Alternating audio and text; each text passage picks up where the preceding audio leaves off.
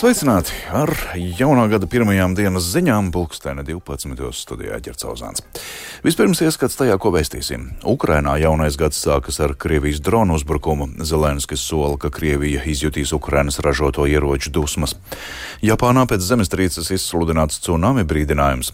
Rīgas turisma nodevas ieviešanu vērtē kā ļoti veiksmīgu, kur zemē veidos pirmo zaļo ceļu no Liepājas līdz Pāvilostai. Par šiem tematiem turpinājumā plašāk.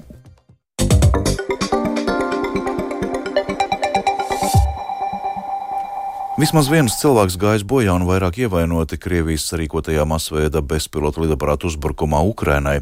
Jaungad naktī Krievija uz Ukrainas pilsētām raidījusi vairākus desmitus šaheta tipa kamikādas dronu, no kuriem lielākā daļa notriekti, taču atlūzas un arī trāpījumi nodarījuši postījumus kultūras objektiem, civilai infrastruktūrai un dzīvojamām mājām. Turpina Rustams Šukurovs. Jaungada naktī Krievija palaidusi vismaz 60 triecienu dronus Ukrainas dienvidu pilsētu virzienos.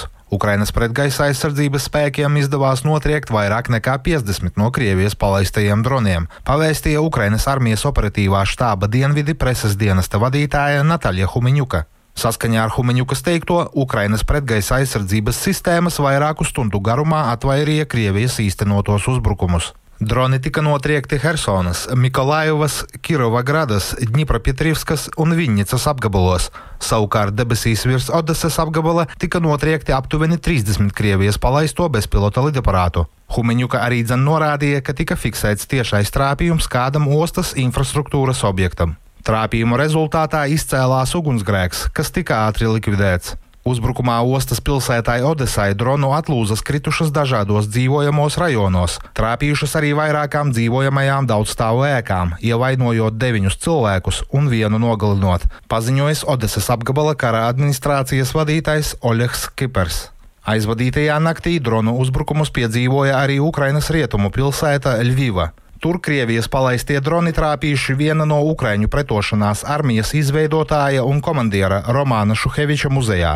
Ļvivas mērs Andrijs Sadovijs informēja, ka muzejs uzbrukumā tika pilnībā iznīcināts. Sadovijs arī dzen piebilda, ka naktī Krievija uzbrukusi arī citai nacionālās atmiņas vietai Ļvivas apgabalā, Dubļana Universitātei, kur laika posmā starp diviem pasaules kariem mācījās Stepans Bandera. Tikmēr Ukrainas prezidents Volodimirs Zelenskis paziņoja, ka Ukrainas militārā vadība ir iepazīstinājusi viņu ar kara darbības rīcības plānu 2024. gadam. Tāpat Zelenskis norādījis, ka ir uzklausījis Ukrainas un ārvalstu izlūkdienestu pārstāvju ziņojumus. Mēs apkopojām gada militāros rezultātus, mēs analizējām kaujas operāciju rezultātus un lēmumus, ko mēs izdarījām pareizi un ko mēs varētu uzlabot. Vietnē Telegram rakstīja Zelenskis. Savukārt savā jaungada uzrunā Zelenskis sacīja, ka 2024. gadā Krievijas iebrucēji izjutīs Ukrainas ražoto ieroču apjoma dusmas На суші, в повітрі, звісно, на морі. Uz sauszemes, debesīs un, protams, jūrā, mūsu Melnajā jūrā. Un 2023. gadā ienaidnieks izprata, kā nekad agrāk viņam tur nav vietas. Un mūsu rīcība Melnajā jūrā ir kļuvusi par tumšu nodaļu rašistu jūras flotes vēsturē. To var oficiāli apstiprināt viņu lielie desantu kuģi un ar raķetēm bruņotās un patruļu korvetes, kas šobrīd atrodas jūras dzelzmē. Korvete Nadņī Morskūna. Ukrainas prezidents arī dzen atzīmēja, ka 2024. gads būs daudzu globālu lēmumu laiks, un Kijai ir jāspēj tos ietekmēt, lai tā varētu sasniegt savus mērķus. Mēs cīnīsimies par savu ietekmi, par taisnīgumu Ukrainai un es esmu pateicīgs visu valstu līderiem, kas palīdz un kuri ir ar mums kopš 24. februāra un būs ar mums 2024. gadā, uzsvēra Zelenskis. Rustam Šukurovs, Latvijas Rādio. Japānas Honsju salu satricinājusi 7,6 magnitūdas stipra zemestrīce, un Japānas un ASV meteoroloģijas aģentūras brīdinājušas, ka Japānas centrālās daļas ziemeļu piekrastē iespējami līdz 5 metriem augsti tsunami viļņi. Japānas Isikaus prefektūrā jau reģistrēta līdz 1,2 metriem augsti viļņi. Pagaidām nav ziņu, ka zemestrīcē būtu cietuši cilvēki. Valdība paziņoja, ka Japānas atomelektrostacijās pēc zemestrīces nav reģistrēts nekādas novirzes no normas. Aptuveni 33 tūkstoši maisaimniecību palikušas bez elektrības.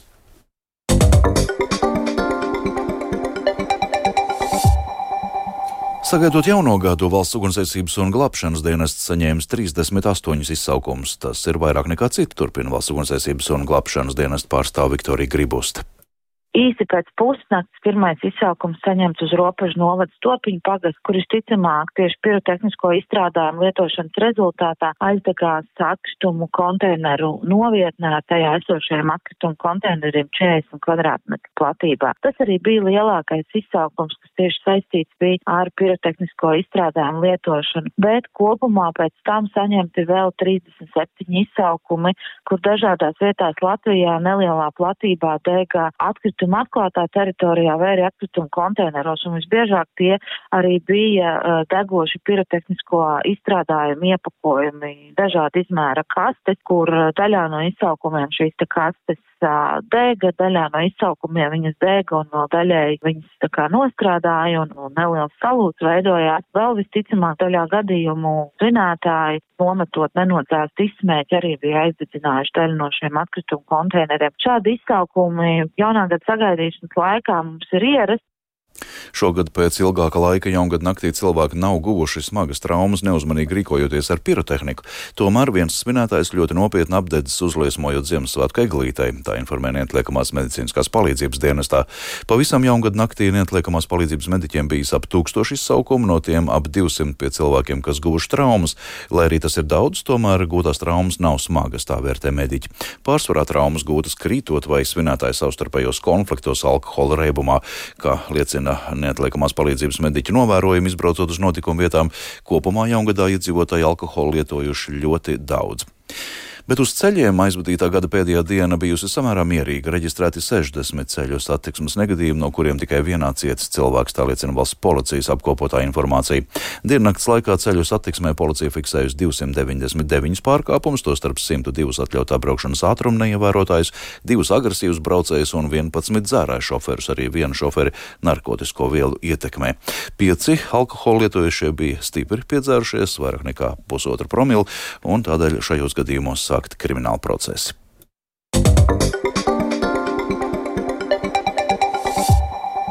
Šodien aprit gads, kopš ieviesa Rīgas turisma nodevu. Tā iekasēta par pusmiljonu eiro vairāk nekā prognozēts. Rīgas investīcija un turisma aģentūrā pirmo nodevas gadu vērtē kā ļoti veiksmīgu. Plašāk Agnijas Lazdiņas ierakstā. Turisma nodeva Rīgā ieviesta no 2023. gada 1. janvāra. Tās mērķis ir gūt papildu līdzekļus turisma nozares Rīgā attīstīšanai. Nodevas likme no 2023. gada 1. janvāra līdz oktobra beigām bija 1 eiro par nakti, bet ne vairāk par 10 eiro par kopējo uzturēšanās laiku. Savukārt no novembra līdz gada beigām summa bija 89 centi par nakti, bet ne vairāk par 8,90 eiro par kopējo uzturēšanās laiku. Tā pieskaitīta pie naktsmītnes rēķina, un viesnīcām reizi ceturksnī tā bijusi jāatmaksā pašvaldībai. Kā skaidro Rīgas pašvaldības aģentūras Rīgas investīciju un turisma aģentūras direktora vietniece Ieva Lasmana, iekasētā summa ir ievērojams pienesums Rīgas turisma un mārketinga budžetam. Šo te 800 tūkstoši, kas ir sākotnēji prognozēti, tie ir izmantoti darījuma turisma atbalsta programmai, pasākumiem dziesmu svētku laikā, daļai pasākumu, kas tika rīkot vecrīgā sadarbībā ar vecrīgas uzņēmējiem, un tad lielākā summas daļa, kas nedaudz vairāk par 300 tūkstošiem tika izmantot dažādām mārketinga sabiedrisko attiecību kampaņām. Tāpat 200 tūkstoši eiro plānots tērēt darījuma turisma atbalsta programmai, 300 tūkstoši mārketinga kampaņām sadarbojoties ar avio kompānijām un dažādiem pasaules turisma ceļvežiem, 400 tūkstoši atbalstam lielu starptautisku pasākumu rīkošanai Rīgā un atlikušo daļu mārketingam. Latvijas viesnīcu un restorāna asociācijas prezidents Andris Kalniņš stāsta, ka ieviešot turisma nodevu bijušas daudzas neskaidrības, kas laika gaitā atrisināt samazinātas, tāpēc šobrīd nodeva tiek vērtēta pozitīvi. Šo nodevu Eiropā daudzas pilsētas ir ieviesušas, lai cīnītos ar turistu pārplūdumu. Mūsu gadījumā tā gan nav problēma, mēs tieši vēlētos varbūt vēl vairāk turisti, bet, uh, nu, jebkurā gadījumā tie ir aptuveni 1,3 miljoni, un ja tā nauda tiek uh, izmantota tieši turismu infrastruktūras un citām aktivitātēm attīstīšanai, tad tas ir ļoti labi, jo tā nauda ienāk no ārpuses ekonomikā, teiksim, Latvijas, tas savā ziņā tāds tā kā eksports, un ja viņi pareizi izlieto, tad es domāju, tas ir pozitīvi.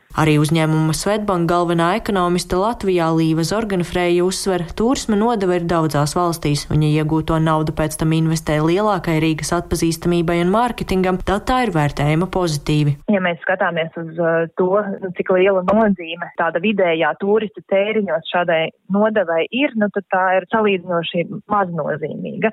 Ja uh, centrāla statistikas pārvalde uh, rēķina, cik viens turists iztērē parasti dienā Latvijā eiro, un tie šobrīd, nu, teiksim, ņemot vērā to inflāciju, kas ir bijusi pēdējos gados, nu, tie varētu būt ap 60, 70 eiro, un tad, attiecīgi, ja nodevas apjoms ir, teiksim, šis viens eiro, nu, tad tie ir viens ar pusi apmēram procenti tikai no tās dienas, dienas tēriņiem, kas, es teiktu, ir, nu, diezgan nenozīmīgs apjoms. Šogad prognozē, ka Rīgas turisma nodevā iekasēs 1,4 miljonus eiro. Agnija Lazdiņa, Latvijas radio bet kurzemē šogad veidos pārgājienu un velo maršrutu no Liepājas līdz Pāvilostai pa bijušo dzelzceļa līniju.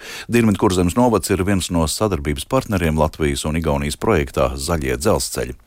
Par iecer attīstīt jaunus pārgājienu maršrutus vairāk Ingas Ozols ierakstā. Zaļie ceļi ir maršruti, kas izmantojot kādreizējās dzelzceļa līnijas, ved cauri gleznainām, ainavām un mežiem. Tie ir piemēroti velobraucējiem, pārgājieniem, zirgu izjādēm un slēpošanai ziemā. Maršrutu segums ir grāns vai meža ceļi, kas dabā ir marķēti ar zīmēm.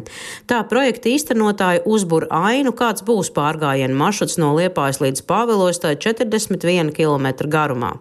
Par ieceri vairāk stāsta turisma nozares eksperts Dienvidkurzemes novadā Raimons. Jauns Reinis. Mums vēsturiski tādi divi ir Dienvidu kurzemē - Pāvilos Liepāja un Vaņoda Liepāja. Šogad mēs izvēlējāmies Igaunijas Latvijas pārobežas programmā startēt ar Pāvilos Liepājas maršrutu un tiks veidots pirmais zaļais ceļš Mēs zinām, ka Igaunijā un Vidzemes pusē jau ir attīstīti diezgan spēcīgi šie turismu produkti un maršruti. Tikko viesojušies arī Spānijā, kur īstenots līdzīgs projekts. Galvenais iegūms šādam pieredzes braucienam bijusi iespēja mācīties no kļūdām, saprast, kā nedarīt. Tāpēc pirms darba veikšanas notiks sarunas ar apkārtnes iedzīvotājiem un turismu uzņēmējiem. Viens no darbiem būs notīrīt no ceļa posma apaugumu, vēl iecerēts izveidot ugunskura vietu un brīvpiekļuvu būs namiņi, kur turisti varēs nakšņot. Dažos posmos arī piekārtosim šo ceļu, piemērots kājām gājējiem, velospēdistiem. Un atšķirībā no tādas vidzemes pieredzes, mums ir tādi divi jauninājumi, kas vidzemē nav. Būs starta un finiša vārti, un otrs būs brīvpiekļuvs namiņš. Pirms šī lielā dzelzceļa bija tas mazais mazbānītis, un tad otrā pasaules kara laikā vācieši sāk būvēt to lielo dzelzceļu. Šajā maršrutā līdzās bijušajai dzelzceļa līnijai atrodas turisma objekts Godeņu piedzīvojuma platforma un indiāņu flautu darbnīca Āra flautas. Pirms vairākiem gadiem aizaugušo ģimenes mantojumu sāka pārvērst Godeņu ģimene. Ginta Godeņa stāsta par atrašanās vietu. Kad dzīve ideja par dabas turismu, tā kā labiekārtot godiņu piedzīvojumu platformu, tādu kā dabas parku veidot uz vecstāvu zemes, tad uh, izrādās, ka tas ir pie paša dzelzceļa. Uh, Liepāja Ventspils, kādreiz bijušais dzelzceļš, kur kursēja vilciens, un daudziem cilvēkiem joprojām ir daudz visādas atmiņas un stāsti, ko cilvēki labprāt dalās. Tad uh, šis zaļais uh, ceļš, manuprāt, būtu brīnišķīgs resurs, lai cilvēki vairāk varētu atpūsties dabā. Vecvectēvs tajā laikā ir veidis arī ar zirgu pajūgu šos lielos akmeņus un būvējis šeit kūru kūti un klēti. Ginta stāsta, ka ļauris, kur jau tagad dodas pārgājienos pa šo maršrutu, attālu cauri mežam dzird āra flautas spēli. Tāpēc neviens vien izbrīnīti jautā, kas tur tālumā tā skan. Indiāņu flautas, kas top no pašmāju kadeķiem un eksotiskiem dažādu krāsu un faktūru kokiem, ir vēl viena pievienotā vērtība jaunajam maršrutam - Ingozola Latvijas radio kurzemē. Izskan dienas ziņas 12. tās producē Viktors Pupiks, par labskaņu rūpējas Ulds Grīnbergs un Ernests Valds Fjodorovs studijā Ģercauzāns. Rīgā šobrīd ir mīnus 5 grādi, austrumu vējš 5 m2, atmosfēras spiediens 764 mm un relatīvais mitrums 73%. Šodien Latvijā mākoņdienas vietām skaidrosies, diena paies bez būtiskiem nokrišņiem, ceļi vietām var būt slīdeni. Austrumu vējš 4 līdz 9 m2, vietām piekrastē brāzmās līdz 15 m2. Gaisa temperatūra austrumu daļā mīnus 9, mīnus 5 grādi, Latvijas rietumos mīnus 5 līdz 0. Rīgā mākoņdienas brīžiem skaidrosies, nokrišņus sinoptiķi nesola austrumu vējš 4,8 m2 un gaisa temperatūra - 6,5 grādi.